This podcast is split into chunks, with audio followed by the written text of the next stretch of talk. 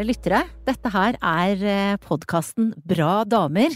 Guri Solberg heter jeg, og jeg er så glad for at jeg har denne podkasten. Jeg har holdt på med den siden 2016, og det gjør at jeg kan invitere kvinner som jeg er nysgjerrig på, som jeg beundrer, er fascinert av, og prate med dem om hva jeg vil, hvor lenge jeg vil. Og det gjør også at jeg har eh, hatt en god grunn til å invitere dagens gjest, som eh, er forfatter, sto bak i 2008 den første innvandrerromanen her i landet. Hun har skrevet eh, flere barnebøker, og har også sitt eget forlag og et sterkt engasjement for å gjøre barnelitteraturen eh, litt mer mangfoldig. Og så er hun gift med en eh, ganske dyktig musikkprodusent, bor i LA, men er akkurat nå i Oslo her med meg.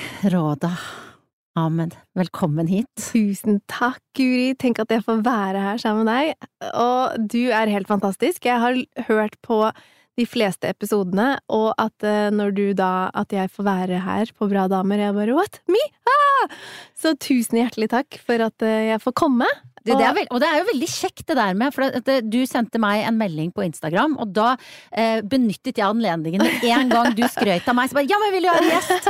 Fordi at jeg hadde tenkt på deg mange ganger når jeg har lest om deg i avisen, både som forfatter og kona til ene halvdelen av Stargate. Så jeg tenkte hun der er, det er noe med henne, og hun er fascinerende, hun er jeg nysgjerrig på.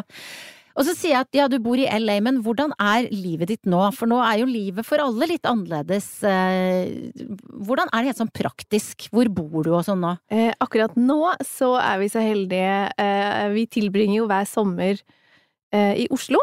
For vi er innvandrere, så så fort vi får muligheten til å få fri, så reiser vi tilbake til hjemlandet. Så vi har tilbrakt hver sommer her i 15 år, siden vi flytta. Eh, med våre to barn, Idil og Isak, og vi snakker norsk, og vi er hjemme hver sommer. Og i år så er skolene stengt i USA, så vi bestemte oss for å bare ta semesteret her online.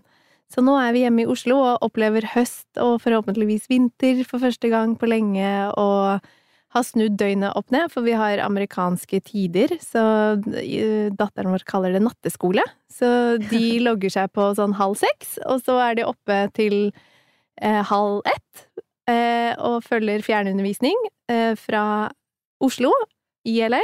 Eh, og så sover de til eh, langt utpå formiddagen.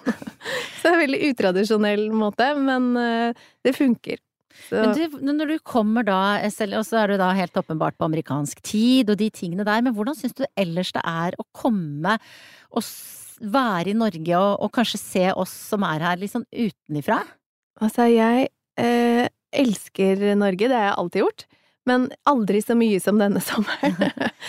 eh, vi er jo i en eh, global pandemi over hele verden, eh, og alle reagerer forskjellig, og det å kunne ha privilegiet å være i et så trygt og fint og rolig eh, land og se hvordan eh, Norge har håndtert hele pandemien, har jo bare vært en gave for oss. Um, så jeg har egentlig aldri tenkt på liksom, at er man norsk, er man somalisk, er man amerikaner, hva er man? Men jeg tenker at eh, vi er jo alle mennesker, og det å kunne være her uten munnbind, og at skolene er åpne og samfunnet er åpne, og eh, det, det, skjer jo bare én gang hvert hundrende år. Mm. Eh, så å kunne være i Norge under denne tiden, i denne korte perioden vi er her, har bare vært en velsignelse. Så mm. jeg går rundt og bare 'Norge er så bra! Herregud, vi er så heldige!' altså, det er eh, Ja, vi har det utrolig godt eh, her i Norge. Det må jeg bare si. Og selv om du da selv ikke er så opptatt av om du er amerikaner eller somalier eller nordmann og alt det der, så er, altså, eh, så er det et spørsmål du får ganske ofte. Vi rundt deg er ganske opptatt av det, virker det som. ja. ja.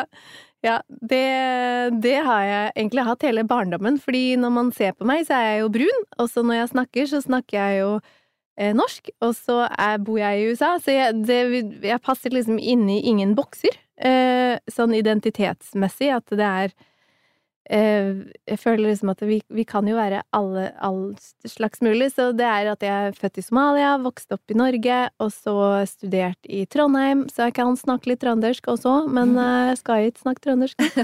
eh, og så studert i eh, Frankrike, i Paris, og så bodd i USA de siste 15 årene. Det er på en måte eh, alle de Ja. Så identitet er jo ganske spennende, da. Um, du er jo på en måte um, den du er ut ifra de verdiene du har, så jeg har alltid følt meg som liten at vi er dobbelt så hellige, for du er både at du er somalisk, så du har den kulturen, og så at du bor i Norge, så du får den kulturen, og så nå den tredje kulturen med at vi kan være i USA og ta del i alt det fantastiske det har å by på, og så når det ikke går bra, så bare ok, vi er ikke herfra, nå drar vi tilbake. jeg mener så um, ja, så det er egentlig um, veldig mange som er nysgjerrig på hvem man er. Men jeg er også veldig nysgjerrig menneske på hvem folk er, og hvor de kommer fra, hvor de har røttene sine. Uh, men jeg tror også at vi lever i en tid der hvor alle er fra overalt. Mm. Så vi er egentlig ikke én ting. Men når du da har vært i Norge, men eh, folk ser at du er fra Somalia, eller at du er i i eh, USA, eh, men er norsk. I hvor stor grad har du da kjent på at det er eh, noe som gir deg en følelse av utenforskap? Mm, ja, veldig godt spørsmål. egentlig så er det bare Du føler at du har et skråblikk på alt, fordi du passer ikke i boksen. Sånn at du er ikke afroamerikansk, du er ikke svart i USA, du er ikke svart i Norge, du er ikke helt somalier fordi du har Altså så det har egentlig vært et privilegium å kunne se ting utenfra. At eh, fordi vi bor i USA eh, og jobber der og har utdannelse der og på en måte har tilbrakt barna våres barndom er jo der, så føler man at man har tatt det beste USA har å by på, men også de norske verdiene, da, med at man alle Man må ta vare på alle, og man må ta vare på hverandre, og det er um, noe godhet i det at det enkle, da At man ikke alltid skal ha jag more, more, more, men at man bare um, Så det er egentlig veldig interessant å se, for våre barn er litt begge deler. Så de er både norske og amerikanske, eh, og litt somalske.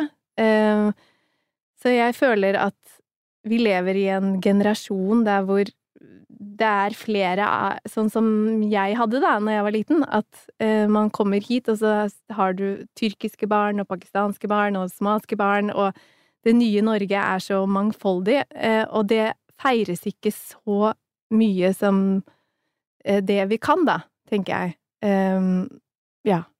Men føler du det har endra seg fra da du var liten jente og kom fersk til Norge, og sånn du ser Norge nå, det med mangfoldet? Eh, ja, på, ja, på, godt og vondt. Men jeg hører jo Jeg glemmer jo på en måte det Men jeg hører jo veldig ofte at jeg er så flink til å snakke norsk. det ja. hører jeg jo fortsatt etter over 30 år, og det, da blir jeg jo minnet på at det er imponerende å snakke flytende norsk. Eh, og det syns jeg er litt rart etter så mange år, at ja, men er ikke det vanlig? Altså, det er jo ikke uvanlig. Vi er jo en stor familie på åtte søsken og 17 tantebarn, og alle snakker jo flytende alt mulig rart, om det er somalsk eller norsk eller arabisk eller um, Men ja, men uh, i denne nye situasjonen der hvor verden er litt mer våken av hva som skjer rundt oss, og endringene og uh, alle ja, så er det ganske spennende, og i hvert fall i litteraturen er jeg veldig opptatt av bøker, det har jeg alltid vært. Um, så hver lørdag så pleide pappa å Vi er åtte søsken, å ta meg med på biblioteket. Eh, og så fikk jeg låne bøker, og så måtte jeg gjenfortelle hva bøkene handlet om, for så å dra tilbake. Eh, og så sa han en dag eh, Ja, men Råda, hva vil du bli når du blir stor? Og jeg bare hm, Jeg vet ikke. Han bare Du kan bli hva du vil i hele verden. Og jeg bare å ja, da ønsker jeg meg å bli forfatter. Jeg vil veldig gjerne skrive bok, og ha en bok med navnet mitt på, i bokhylla. Og så glemte jeg på en måte det, og så ble jeg ferdig på videregående og studerte antropologi, eh, og så likte jeg det ikke så godt. Det var gøy med antropologi, men jeg var veldig eh, Så det er eh, Jeg var såpass heldig at jeg møtte jo Tor Erik veldig ung, vi var veldig unge, og så sa han ja, men hva vil du egentlig da, Råda? Jeg bare å, nei, jeg kunne jo tenke meg å skrive bøker, da. Det er en sånn hemmelig drøm jeg har som jeg aldri har turt å fortelle noen. Og da sa han at ja, eh, verden trenger ikke flere antropologer, men den trenger flere forfattere. Så da syns jeg du prøver på det. La oss prøve, prøve, på det. Og så skrev jeg en bok, eh, og så sendte den inn, og det var den som da ble min debutroman, Forberedelsene, som ble gitt ut på Gyldendal, og den boken er i det samme biblioteket jeg og pappa pleide å gå på. Så da følte jeg på en måte at det var en drøm som gikk i oppfyllelse, da, at du kan drømme om det og jobbe hardt, og at drømmer kan gå i oppfyllelse uansett hvor eh, store og gærne de er. Eh, og jeg husker jo at jeg elsket å lese skjønnlitteratur, og lette alltid etter en brun karakter, mm. som også er litt vemodig at du leser eh, Vesaas og leter etter en brun jente. Ja. eller, uh, eller Bjørnson eller Ibsen eller Altså, i norsk litteratur, det er jo ikke så mange som ser ut Altså, det er jo ikke rart. Alle jo, har jo blondt hår og blå øyne i Norge. Men da det åpnet seg en verden jeg begynte å lese engelsk litteratur, og amerikansk litteratur, for å lese Tony Morrison og Maya Angelou og og så var det litt sånn i barnebøker, og husker jeg da jeg var liten at det var sånn åh, hvorfor er det ikke så Det var liksom bare hottentottene i Torbjørn Egner, og det var litt sånn når du først Oa, ja. ja. Når du først så en brun karakter i en barnebok, så hadde han ben gjennom nesa, og Pippis pappa som var kongen av Negerland, og altså, det var litt sånn Det fantes ikke, da. Så jeg bare husker det frøet alltid var å lete etter Men hvor er den, hvor er den? Um, og viktigheten av å da skrive din egen historie. At hvis det er en eh, Tony Morrison som har et fantastisk sitat som jeg elsker overalt på jord, som er, hvis jeg skal oversette det, at hvis det er en bok du vil lese, eh, og den ikke er skrevet, så er det du som må skrive den. Så tenkte jeg at ja, kanskje jeg skal gjøre det, da. Og så, så det var egentlig sånn det hele begynte. Kan du huske det der, altså når da mannen din Tor Erik ga deg da tydeligvis det der siste puffet for at du skulle komme i gang og, og skrive denne debutboka di i 2008, altså da fra han sa det eh, til du liksom satt deg ned der og skrev med tastaturet, hva var det som, altså hva var det som skjedde inni hodet ditt da? Eh, det var eh, skummelt. Fordi man er, føler seg jo aldri god nok. At det er altså, Bare fordi du leser god litteratur, er det, det er ikke dermed sagt at du kan skrive god litteratur. Men jeg hadde denne historien som bare brant inne, og jeg hadde jo jobbet på den i mange år. Jeg har alltid skrevet dagbøker, jeg har alltid eh, lest. Eh, tenkte at ok, greit, la oss Jeg prøver, og så se.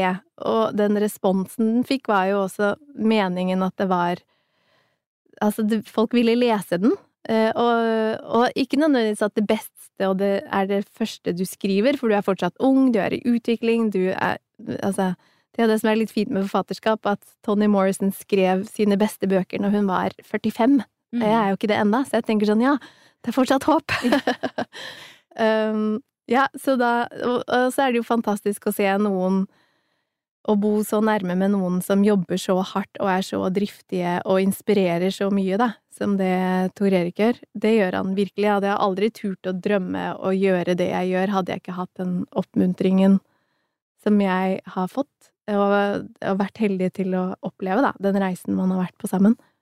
Men hva kan han si til deg som gjør at du får den? For at dette her har jo vært et sånn altså Når jeg ser de, de barnebøkene som du har skrevet, så er jo også det eh, med eh, sterke kvinner og tro på drømmene sine og jobbe hardt. Det er på en mhm. måte litt sånn rød tråd, da, kan man si. Eh, og det, er det noe som kommer Altså er det noe som er viktig i deres familie når dere snakker sammen? Er dette her noe som er i deres, eh, i deres samliv? Ja, det er det absolutt. Eh, det er en verdi jeg tror på. Eh, og det kommer jo egentlig også fra barndommen også, at når man kommer som en innvandrerfamilie til Norge, og alle familier flytter fordi at de vil ha et bedre liv for sin familie igjen, og at eh, man kan jobbe hardt, at ingenting kommer helt uten at du må jobbe for det.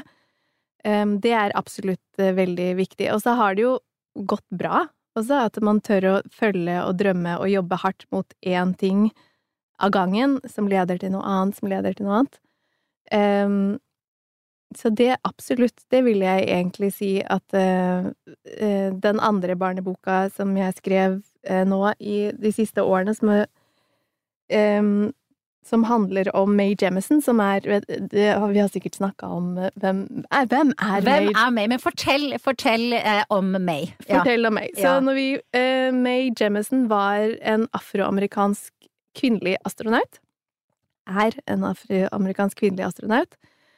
Eh, og når vi flyttet til USA, så eh, og barna var små, så begynte jeg å selvfølgelig lese fordi vi elsker barnebøker og bøker, og var eh, i bokhandel hver søndag som familie. Og så oppdaget jeg liksom et mønster at ja, men det her var jo litt rart, fordi jeg ville jo lese bøker om inspirerende mennesker, sånn, eller en tannfe, eller en mammabok, eller alle de sånne enkle pekebøkene. De var da sånn samme mønster igjen, at det var litt rart at alle har blondt hår og blå øyne. Mm.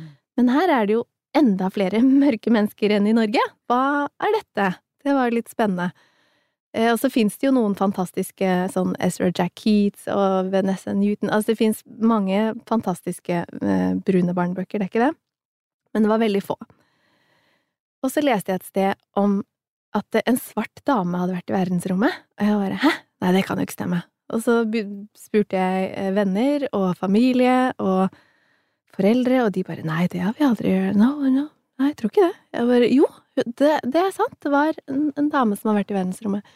12. mars 1994. Nei, nå jeg tror ikke det. Nei, jeg tror ikke jeg har hørt om hun. Nei. Og så syns jeg det her var veldig, veldig, veldig rart. Um, og når jeg ikke fant noen bøker om henne, så tenkte jeg men det her, du kan jo ikke leste biografien hennes, og hun hadde vært da eh, Når hun var 16, så dro hun på college eh, og studerte medisin. Og ble lege. Og så ble hun bioingeniør. Og så søkte hun om å reise til verdensrommet, og det var 2000 andre søknader om å reise til verdensrommet. Og så fikk hun da plass. Og det her er jo sånn, hun må ha en IQ på liksom tre millioner, ikke sant? Det er bare helt ja. fantastisk. Eh, Og hun snakker ni språk. Og dette her, og hun lever fortsatt. Så tenkte jeg, men du kan ikke gjøre alle disse tingene, og så er det ingen som vet hvem du er. Men vi vet at det har vært en hund i verdensrommet, og vi vet om Kylie Jenners neste leppestift. Altså, mm. det her er jo det her, det her må vi gjøre noe med. Så da bare eh, skrev jeg eh, ideen, eh, og det tok meg to uker fra jeg hadde ideen til at jeg skrev den ned.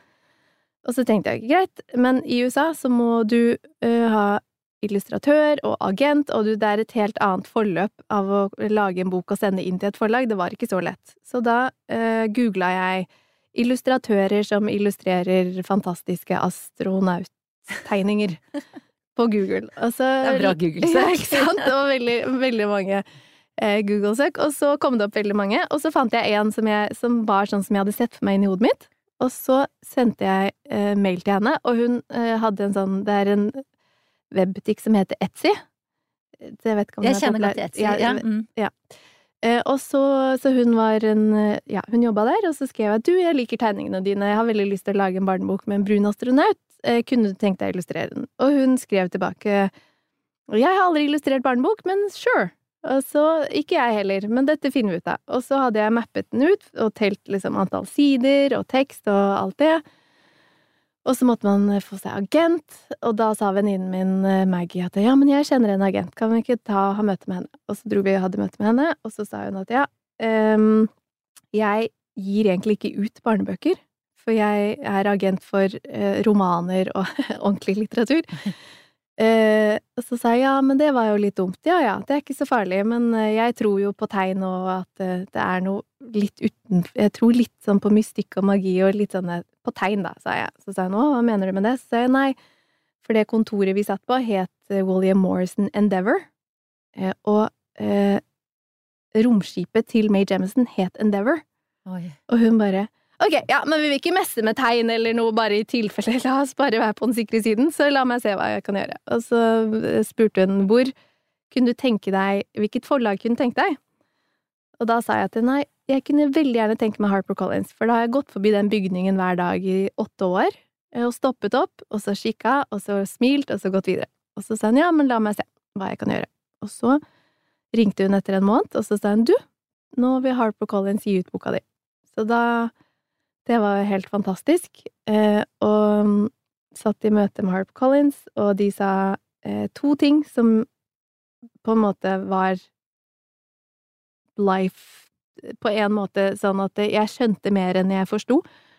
Og det ene var gratulerer, eh, vi gir aldri ut barnebøker som ser sånn her ut. Og jeg trodde at hun mente at den var brun. Ja. det var ikke det. Det var ikke Det var ikke det hun mente. Um, Og litt sånn rasist på Ja, laget, Harper Collins. Eh, Men det hun mente var eh, at det, dette var en ferdig barnebok. Som regel så er det vi som finner illustratøren, vi Å, ja. som eh, tar AD på boken, og dette her var en helt ferdig 34 sider lang eh, barnebok, men vi skal gi den ut akkurat sånn, for den er helt perfekt. Fantastisk. Bra jobba. Um, og det andre er at uh, du er veldig heldig, Uh, fordi Ja, du er veldig heldig. Og jeg bare, ja, det vet jeg. Jeg, jo, jeg går rundt, altså, jeg er jo heldig. Alle er jo heldige at vi får være, altså, men jeg bare, ja, ja, ja. Eh, og så um, satt jeg på det møtet, og så så jeg meg rundt, så tenkte jeg, å, nå skjønner jeg. Det er jo fordi det sitter jo ingen brune eller hispanic eller asiatiske mennesker inne på dette kontoret, og det var jo fireetasjes kontor som man fikk omvisning i. Og hvis alle, hvis eh, forleggerne er de som lager bøkene, og er på en måte de som holder fortet for hva som blir laget, så lager man jo bare ting ut ifra det man kjenner, Mm. ikke sant? Så det er jo ikke vondt ment, det er jo ikke fordi at man ikke vil at um, Men eh, det er jo da, da tenker man jo ikke på at eh, å, barnet mitt mangler en tannfebok, eller en mamma som ligner på meg, eller altså Det er Mm. ikke ondsidet ment, da. Det Nei, og derfor, det, det, si, det arbeidet du gjør er jo så viktig, for det handler jo om representasjon. At man skal kunne ha noen forbilder som ligner litt på deg sjøl. Ja. Eh, og det er jo vanskelig å få til. Da. Det blir en sånn ond sirkel, enten det handler om forskjellen på menn og kvinner, Ja. eller forskjellen på uh, ulike hudfarger. Ja. Og dette her har jo på en måte da blitt eh, altså en, en veldig viktig sak for deg i både i bøkene du skriver og med High Tree Publishing, som du har starta. Eh, og jeg vet også at du reiser veldig mye rundt og leser, blant annet da om eh, romheltinnen, sant? Ja. Eh, og jeg tenker jo at det må jo være så viktig for veldig mange barn. Mm. Hvordan opplever du de møtene med, med alle disse kidsa som du leser høyt Altså, for? det har jo vært eh, På en måte Det har jo gitt livet en dypere mening. Eh, det, og at man er med å bidra eh, til at verden At du lager den verden du selv vil se, da, på en måte. Ja. Og det føltes veldig sånn eh, da eh, når boka kom ut, og så ble den solgt ut, eh, og så trykka de på nytt, og så ble den solgt ut, og så dro jeg på mitt første em, author visit, en eh, forfatterbesøk, på en skole, og du ser eh, hvor mye hva en kraft av en bok har, og det, altså, ja, det fikk meg jo til å tenke på min egen barndom og tenke sånn, å herregud, at du får det privilegiet å lage en bok som er en liten del av noen andres barndom. Og da, etter at man er ferdig med å lese den, eh, så pleier jeg å få alle barna til å lukke øynene, og så trekke pusten. Det kan vi gjøre nå. Ja. Vi lukker øynene, Mm. så trekker eh, pusten dypt inn gjennom nesen, ut gjennom munnen. Og så vil jeg at du skal tenke på hva du vil bli når du blir stor, og hvordan du skal forandre verden. Mm. Og så skal jeg telle til tre. Én, to, tre. Og så kan du åpne øynene. Mm. Hva ville du bli når du var liten, Guri? Jeg ville nok bli en som fortalte historier. Sant? Og jeg har nok vært innom forfatterdrømmen, jeg også. Eller skuespiller. Og journalist. Mm. Du gjør jo det du drømte om. Jeg gjør nok det. Ja. Mm. Det er helt fantastisk, og det er kraften i å være liten, at det er ingen som setter begrensninger på hva du kan og ikke kan, Mm. og, og da å jobbe med barn som på en måte er i begynnelsen av livet, da, før livet har Eller samfunnet eller ting rundt deg fortalte fortalt at det kan man ikke, eller For det er en passasje i boka som handler om en liten jente som heter May, som, eh, som drømmer om å reise til verdensrommet. Og så en dag så har de et skoleprosjekt, og så sier læreren eh, i dag skal vi snakke om hva vi skal bli når vi blir store. Og så har du noen som sier fotballspiller, og så er det en som sier sykepleier, og lærer og lege og mamma, og så rekker hun opp hånden, og så sier hun 'Å, jeg skal bli astronaut'. Og så begynner alle barna å le. Mm. Og så sier læreren 'Å, May, du mener vel sykepleier? Sykepleier hadde vært bra for sånne som deg'. Ja. Og så blir hun lei seg, og så drar hun hjem, og så trøster mammaen henne og så sier hun 'Hvorfor er du så lei deg nå?' For hun sa at jeg ikke kunne bli astronaut. Og så sier hun 'Ja, men ingen kan jo ta fra deg drømmen din. Eh, Du må Du kan drømme, jobbe hardt, og alt er mulig.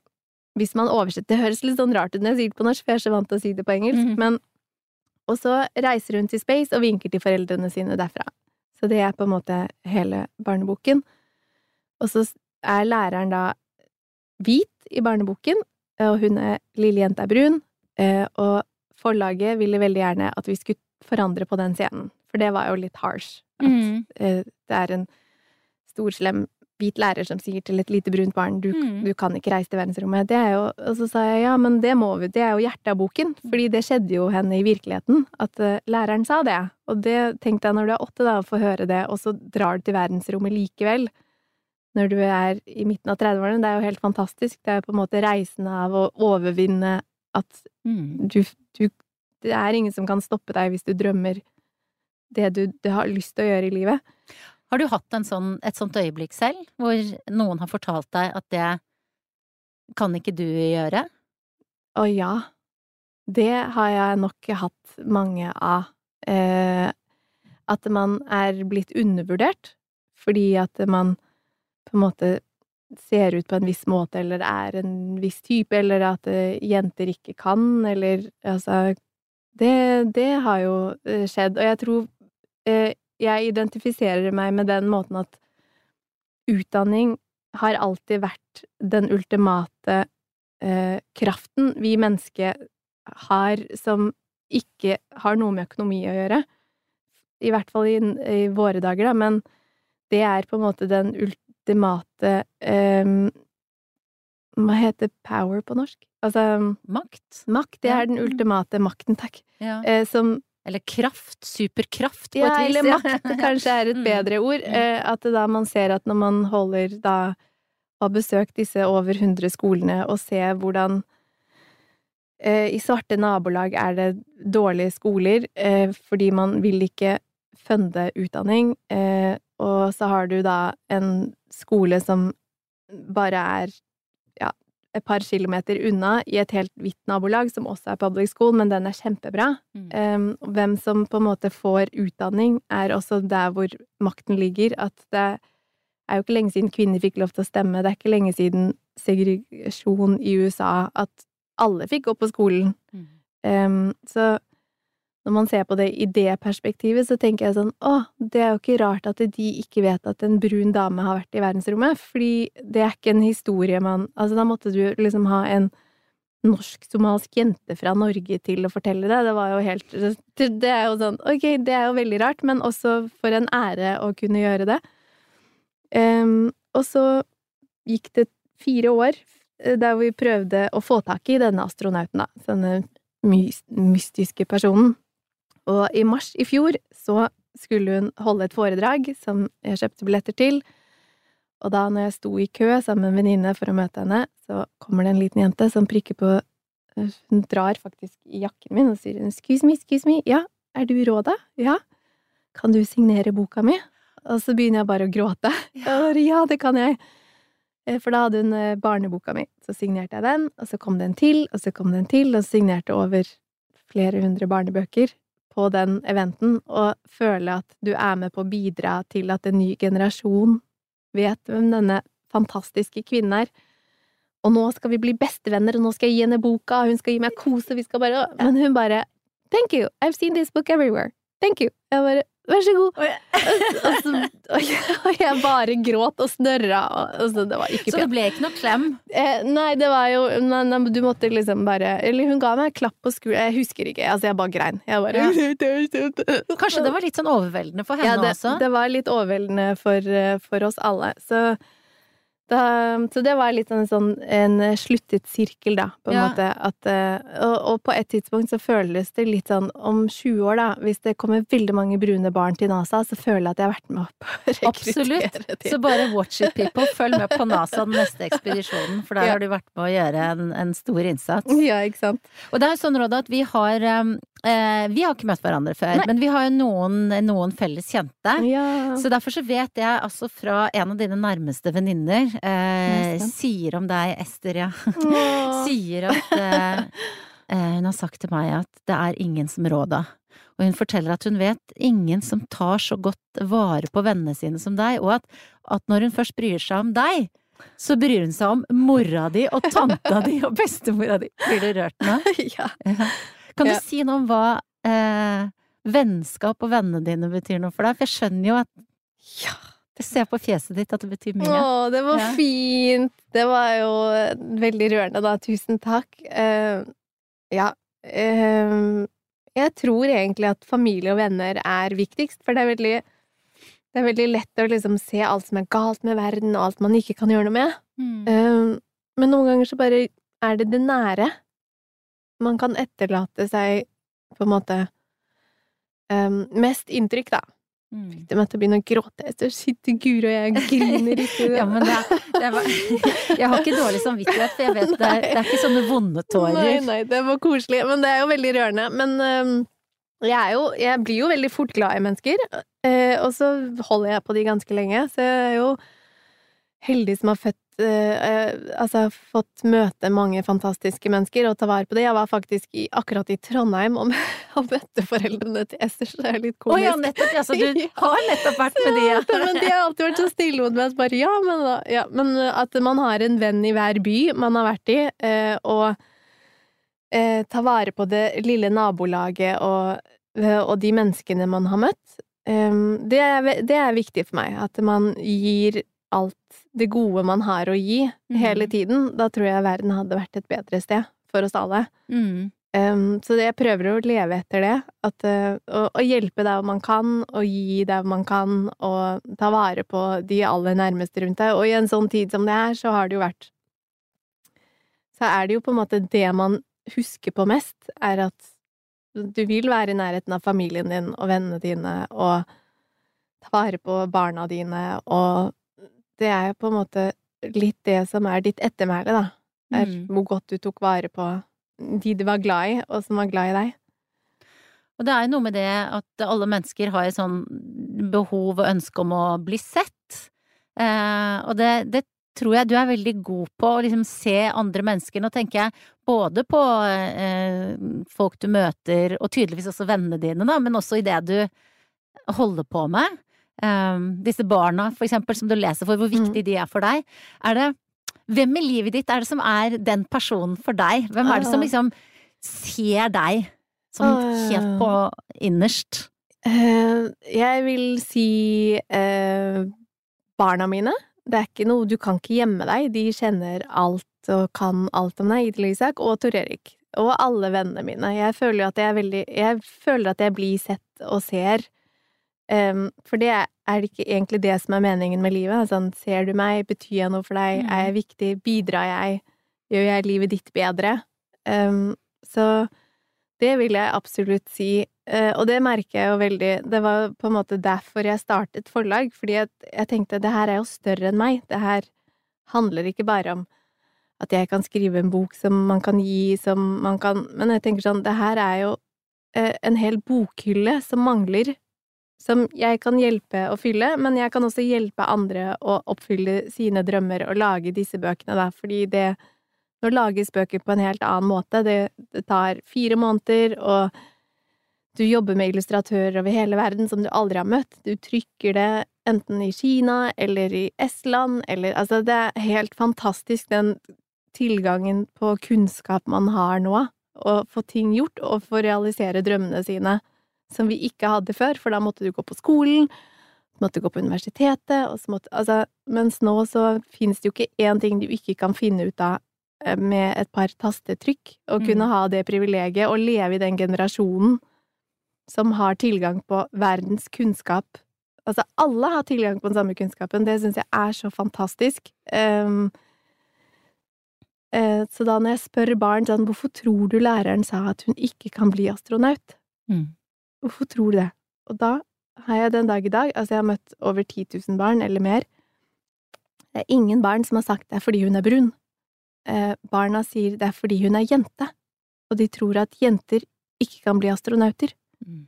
Og det syns jeg er så fantastisk at rase og farge og alt det, det er noe voksne mennesker ser, det. Barn ser hva kan jeg, hva kan du, og, og viktigheten av å se seg selv i en bok for å kunne lære. Altså, du identifiserer deg jo med verden, og før du kan snakke og lese, så ser du bilder. Mm. Eh, og viktigheten av at alle barn i vår verden, da, vi som lever i en verden der hvor alle ser så forskjellige ut, eh, og at vi feirer det, også i våre barnebøker, at det ikke blir en sånn åh, enn noe spesielt, eller at da så jeg det mønsteret at i amerikansk barnelitteratur, så da var det at når du er brun, så skal vi snakke om slave og Martin Luther King og Rosa Parks og sånn, og det er sånn, ja, men eh, hun vil egentlig bare peke hvor er bilen? Ja, ja. hvor er teddybjørn? Altså, vi er ikke liksom på sånn, vi har ikke funnet ut av identitet eller verdenshistorie eller forklare segregasjon eller rase eller slavehandel. Altså, vi vil bare ha en sånn Halloween-bok og Ja. en liten gutt som har lyst til å kle seg ut, og han er tilfeldigvis brun. Altså, ehm, så da tenker jeg sånn, ja ja, da får, får jeg gjøre det, da. Og det har vært det mest meningsfylte uh, gaven jeg noensinne kan drømme om, at, uh, at ekte makt er å lese uh, og skrive sin egen historie, for det er ingen som kommer til å skrive den for deg hvis ikke du gjør det selv. Mm. Å ha tilgang på det er et Det har vi alle tilgang på. Nå har du jo nevnt eh, mannen din Tor Erik eh, som en en god støttespiller og eh, ja, viktig når du begynte å skrive alt mulig. Jeg så, eh, følger deg på Instagram, så i går at dere hadde anniversary. Hvor lenge, altså, hvor, hvor lenge har dere vært sammen? 22 år. 22 Jeg år. vet. Det er jo altså Og, Det du er eh, Jeg er 40 snart, ja. Ja, ja, ja, så det, Det er det er eh, utrolig, utrolig lenge. Hva er, hva er deres historier, da? Eh, vår historie, den er jo ganske unik. Vi møttes på Kaffebrenneriet i Skåveien. Eh, det, og så spurte han meg ut, og så sa jeg ja, ok, da. Eh, så vi har vært på en livslang eh, reise sammen. Jeg føler liksom at alt godt i livet begynte når vi traff hverandre, eh, og at man får, er så heldig å møte noen som ser deg og feirer deg, og at man er et lag, da på en måte, og at livet består av forskjellige sesonger. At man har en sesong der hvor du spiller masse, eh, og man har en sesong der man har barn, og så er det det som er fokus, og så har du ungdomsårene, og så har du jobben. Så jeg føler liksom at det har jo vært eh, Det er jo et lykketreff å treffe noen du kan vokse med, og vokse sammen med. Um, så jeg føler meg utrolig heldig. Så lager han jo fantastisk musikk. Eh, han er veldig opptatt av om jeg liker sangene, og hvis jeg liker de, så, så er det bra. Hvis ikke, så er det ikke så mye jeg får gjort. Da, bare, da liker jeg det ikke. Men Eh, kommer, kan han komme hjem med ting så, ja, og så kan du si nei, det er ikke bra nok for uh, Beyoncé, det er du må step it up, mister? Eller hvordan, hvordan, hvordan foregår det? Nei, det som er fantastisk med musikk, er jo at det er en følelse. Enten så føler du noe. Den, uh, musikk er jo på en måte Rører jo ved alle sansene. At du blir veldig rørt emosjonelt. Eller så blir du ikke det. Så, sånn sett så er det jo ikke Du får ikke tenke deg til at noe er bra. Enten så reiser alle eh, hårene på kroppen seg fordi du bare følte at å herregud, dette her var magisk. Mm. så gjør det ikke. Og da, når det skjer, så spør jeg alltid om jeg kan få den, om han kan sende til meg, og da havner den på en måte på min. Så det har på en måte vært hans monitor, da, at det er sånn, å, havner, hvis jeg vil ha den og høre på den om og om, om igjen, så går det stort sett veldig bra med den sangen. Jeg skal ikke jinxe det nå, eller gi full eh, disclosure på det, men, men alle de store sangene og det som er med musikk, er at du husker alltid hvor du var, du husker hva du gjorde. Det, musikk trigger minner som Ja. varer hele livet, ikke sant? Du har, hva er din favorittmusikk? Hva slags musikk liker du å høre på? Nei, jeg har veldig bred musikksmak, men, men jeg er veldig glad i um, Jeg er spesielt glad i jazz, og har jo da en datter som Mm. heter Ella. Jeg Heter Ella Fitzgerald.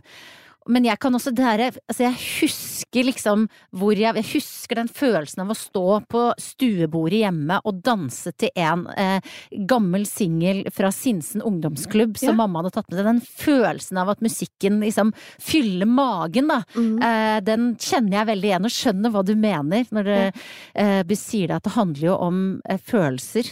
Eh, sånn at det, det er jo det, det er knytta masse, masse kjensler til det. Og derfor kan det jo også være det kan jo være et minefelt også, da. Hvordan hadde det vært hvis mannen din hadde laga musikk som du ikke likte? Det har han også gjort. Han har det? Ja, da hører vi ikke på det. Nei, og og er det det, sånn, er det ja, men- konfliktfritt? Nei, ja, helt superkonfliktfritt. Og da er sånn ja, men 'hør en gang til, du må vente på refrenget'. Nei, jeg liker den ikke. Og da bare skipper vi. Da er det, da, det er ikke noe for Han er veldig tilgiven sånn sett, det skal han ha for. Ja. Og da er det ikke så mye å få Og det gjelder jo Nå har vi jo to barn, og de Mhm. er jo også sånn at det er sånn Ja, nei. Nei, det liker vi ikke. Skip. Og så sånn, «Å, må høre og så, eh, og så er det noen sanger som vi bare har på repeat, så at barna til slutt bare sånn Nå må du slutte å spille den. Du kan ikke spille den en gang til. Jeg orker ikke å høre på den en gang til. Og da er jeg litt sånn da, Det kan jeg liksom Kan stå opp og høre på den, og jeg kan legge meg og høre på den. Um, og det er uh, uh, faktisk når vi uh, bodde Altså, en av de første turene over til New York, så var jeg eh, høygravid med Idil. um, og da hadde de vært i studio uh, og hatt en session og laget en sang, uh, og jeg var høygravid. Og så kom han og vekket meg midt på natta, og så sa han du må, du må bare høre på Du må høre på denne Du må høre på der.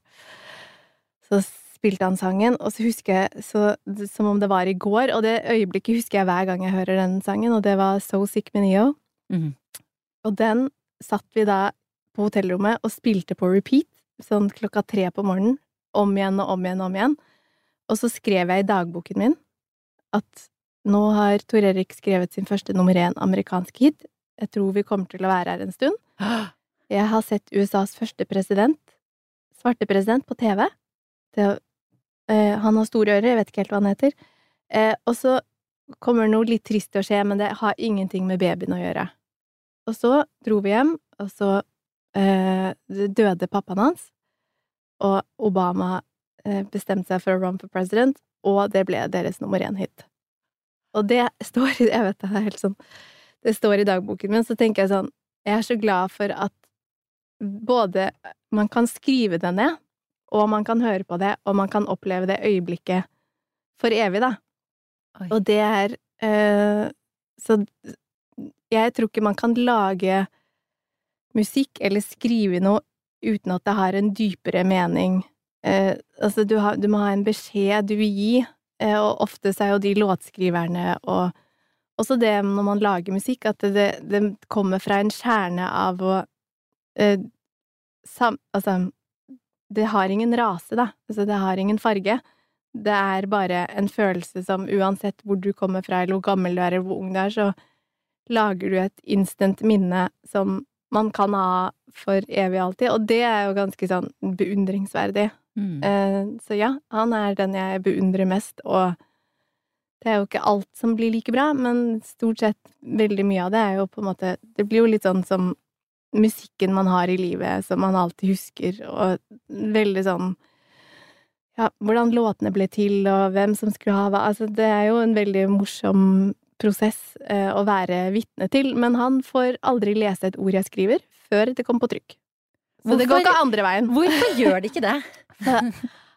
Man kan ha eh, For jeg vil ikke ha meningen hans når det gjelder det. Så, så han mener veldig mye om veldig mye annet, men akkurat når det gjelder litteratur og bøker og sånn, så, så gjør vi det på den måten. Så det er litt eh, Ja. Og det så, aksepterer han. ja, helt akseptert. Jeg kom plutselig på noe, altså at eh, jeg er jo veldig opptatt av eh, at når kvinner kommer hit og har en eller annen eh, suksessrik eller kjent kjæreste, så er jeg litt opptatt av at de er her i kraft av seg selv. Så nå var jeg plutselig sånn, sa jeg at han var ene halvdelen av Stargate, eller sa jeg liksom bare sånn, jeg tror Erik, sånn i forbifarten, så kanskje det ble litt vel hemmelig. Eh, men da vet dere i hvert fall at eh, jeg laga et par litt kjente låter. Og det gjør jo at du men har du noen gang, apropos, har du noen gang følt deg redusert til kona til? Nei, aldri. Nei. Nei. Bra. Aldri. Jeg skriver jo også under mitt eget navn. eh, Det har jeg alltid gjort. Um, og så er jeg jo stolt av han. Sånn at eh, det er ikke noe Men det er jo et sinnssykt privilegium å kunne ha den jobben jeg har på grunn av den bakgrunnen vi har. Så det er jo ikke til å på en måte skimse av at det er jo Det hadde jo aldri gått at man er så heldig som det. Um, men nei, det har jeg aldri følt, altså. Har, det, er, det, er, nok, det er plass til alle. Mm. Uh, og det er han utrolig flink til å både dele og Men i og med at jeg alltid har hatt egne interesser og vi, vi har jo my, mye fantastiske samtaler om å skape. Mm. Uh, hva man skaper og er interessert i forskjellige ting, og deler veldig mye på det. Uh, og Men nei, det har jeg egentlig aldri følt at det er sånn og så har jeg aldri blitt introdusert som kona til heller, så det også er litt komisk eh, blant eh, på en måte eh, Ja, både venner og familie, at det er sånn du, du er liksom granted at du er den du er, da. Mm. Og det er jo veldig fint. ja. Jeg har bedt deg, Råda, om å ta med en dings, ta med noe som sier noe om hvem du er. Ja. Kan ikke du ta det fram? Ja, ja. det kan jeg gjøre. Og så er det hvis noen hører en sånn derre borrelyd i bakgrunnen, så er det fordi de skrur inn noe i en vegg bak her, så ikke vær redd for at det skjer noe alvorlig. Det rådet og jeg sitter helt trygt. Her har du med May Among the Stars, ja. som er altså denne ja. barneboka som vi har snakka om, med romheltinnen på forsiden. Ja, jeg mm. følte at uh, det var jo ja, Man kan jo ta med mange ting, mm. men jeg tenker den uh, Jeg hadde lyst til å ta med den, for denne her har betydd mest for meg fordi at den har betydd mye for andre. Mm. Eh, og sett kraften av en bok som Bøker er jo ganske magisk, for det er bare en ting som fins inni hodet ditt, som ingen ser. Det bare surrer og går og bare er oppi der. Eh, og så har fått eh, privilegiet å dele den og gi den og snakke om den, eh, og drømme om å lage den, og så lage noe du har drømt om, og så gi det, og så inspirere barn til å drømme og ikke være redde for de store tingene i livet. Mm. Så det, den har jeg egentlig tatt med til, eh, til deg og til datterne dine. Ja, det er veldig bare, hyggelig. Jeg tok ja. med den. Den, den. Det er den eh, som betyr eh, mest av eh, ting jeg har laget akkurat nå, som jeg tenker at wow, mm. det er ja. Og så det, må jeg si at det sier noe om deg også, at du da har med eh, bok til døtrene mine, og at eh, Råda kom også til dette intervjuet med et kakestykke til meg fra min favorittkafé her i Oslo. Så dette det er, Du er en veldig, veldig raus gjest, vil jeg si. Og, men, men, samme hvor, hvor, god du har vært mot meg nå, så må jeg gjøre med deg som jeg gjør med alle gjestene mine. Eh, eller nå hørtes det ut som jeg skulle gjøre noe ondskapsfullt, men jeg har avslutningsvis alltid tre kjappe spørsmål. Ja. Eh, som eh, begynner med Hører du at de banker jeg, på sida her nå? Ja, det plager ikke meg. Ja, nei, det plager ikke meg heller. Jeg håper ikke dere som hører på er bekymret for at studio faller ned. Eh, for nå eh, lurer jeg på, hva spiste du til frokost i dag? I dag det... Og det er jo sikkert bare noen timer siden, selv om vi nå er på ettermiddagen, for ja. du er på amerikansk tid. Ja, det er veldig morsomt at du spør, fordi uh, uh, jeg måtte lage meg knekkebrød fordi ovnen vår var disconnected, så jeg spiste et knekkebrød med gulost. For vanligvis så lager du deg nå To egg. Alltid ja. to egg. Alltid ja. sånn. Det, jeg vet ikke hvorfor. Jeg bare det, Jeg liker det. For jeg er ikke noe sånn glad i å spise frokost, men jeg tvinger meg selv til å spise det hver dag uansett. Um, ja. Elegant antrukket i sort fra eh, svart lue på toppen og nedover. Hvor lang tid brukte du i dag, Råda, på å finne ut hva du skal ha på deg? Eh, jeg planlegger det alltid dagen før, for da slipper jeg å bruke noe tid eh, på det. Så når jeg legger meg kvelden før, så liker jeg Sånn som man gjør med barn. Ja. å legge frem det jeg skal ha på meg i morgen, for da slipper jeg å bruke så mye tid på det. Så eh, egentlig brukte jeg bare ikke så lang tid i dag tidlig, men jeg brukte kanskje sånn ti minutter i går mens jeg sto i dusjen og lurte på hva jeg skal ha på meg i morgen. Og det er sånn vanlig, vanlig gjennomsnittlig tid for deg? Ja. ja. Jeg er veldig kjapp. Mm. Og veldig sånn cool Cool, cool avslappet stil. Tusen takk. Jeg har stort sett på meg det samme også. Så det sånn, hvis du ser meg om en uke, så bare å, det, da I'm still wearing the same thing. Siste spørsmål, Råda. I hvert fall av disse tre. Eh, når hadde du sex sist? Å, herregud. Nei, det er for privat. Jeg tror av alle som har blitt spurt om det, så tror jeg liksom 90% reagerer med å si 'å, herregud'. Men det som er enda viktigere, og i hvert fall der du sitter med May mellom hendene dine, er å stille deg før vi avslutter denne praten. Det har vært veldig hyggelig. Kjempekoselig. Hva er en bra dame for deg? mm, Bra spørsmål. En bra dame for meg er en dame som løfter opp andre damer, eh, og som bruker det at man Hvis man trenger hjelp, at man spør om hjelp og er sårbar med hverandre. Men en bra dame for meg er en som ikke er truet av andre damer, men som bare er med på å løfte løfte andre damer. Du er en bra dame, og det du gjør med podkastet ditt og jobben din, og, og hvordan du deler og er i verden, er så utrolig inspirerende, Guri, og det setter jeg så pris på, fordi det er Det gir så mye til oss lyttere, og det er helt absurd å være lytter og nå sitte og kunne snakke med deg, men du er en fantastisk dame, og ditt bidrag, det setter jeg så stor pris på, og det gjør vi alle som hører på. Nå er det jeg, Så- som, begynner, jeg som begynner å grine. Nei, men fortsett med det. Du Mm. er et eks fantastisk forbilde på hva en bra dame er. Så vi må alle være litt mer sånn som deg. Oi. Wow. Ja, tusen, tusen takk, Råda, både for de veldig rause ordene og for at du kom i podkasten min. Jeg er veldig takknemlig. Mm, tusen takk for å ha, til å ha meg her.